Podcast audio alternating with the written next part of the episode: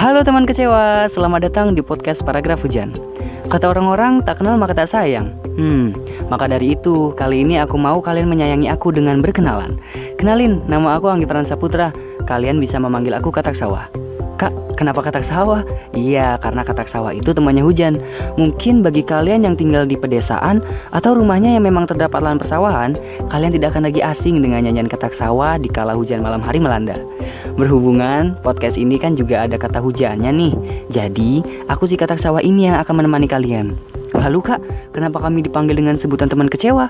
Iya, karena podcast ini sangat asik buat kalian yang sedang berkeluh kesah, mungkin mengenai dia yang menghilang tiba-tiba, dia yang dingin atau dia yang aku sayang tapi ninggalin? Waduh, tenang, kecewa itu nggak salah kok. Selama kita masih mengingat batasan untuk tidak terus-terusan menyesal.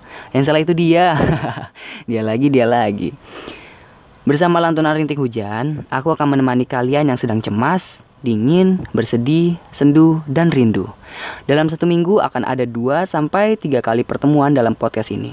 Ya, sesuai mood lah ya. Kalau moodnya lagi naik, ya mungkin bisa lebih dari tiga kali. Jadi silakan tunggu episode perdana aku ya. Salam cinta dari aku, Katak Sawah.